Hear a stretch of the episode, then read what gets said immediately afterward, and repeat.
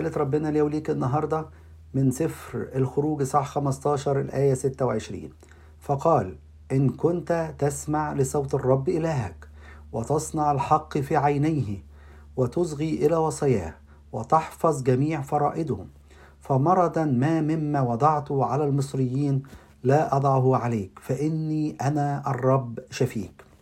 ربنا عايز يقول لي يقول لك النهاردة أنك تسمع كلامه. من فضلك اسمع كلامه. من فضلك حافظ على الوصية بتاعته. خلي بالك البركات اللي كانوا بياخدوها شعب إسرائيل هي بركات أرضية. قال له فمرضا ما مما وضعته على المصريين لأضع عليك.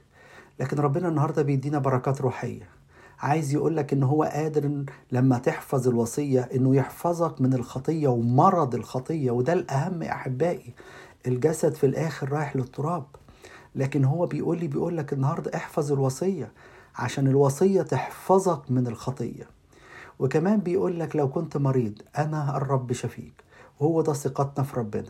ربنا قادر يشفي أمراضنا النفسية والروحية وأمراضنا الجسدية لاني أنا الرب شفيك وإحنا شايفين في خلال العهد الجديد كله عندما تجسد الله الكلمة وأخذ جسدا مثلنا بلا خطية المعجزات اللي عملها معجزات الشفاء اللي عملها السيد المسيح له المجد بيثبت إن الرب شفيك فالنهاردة إن كان في مرض روحي مرض نفسي مرض جسدي اعرف إن الشفاء في إيد ربنا هو اللي هيشفي.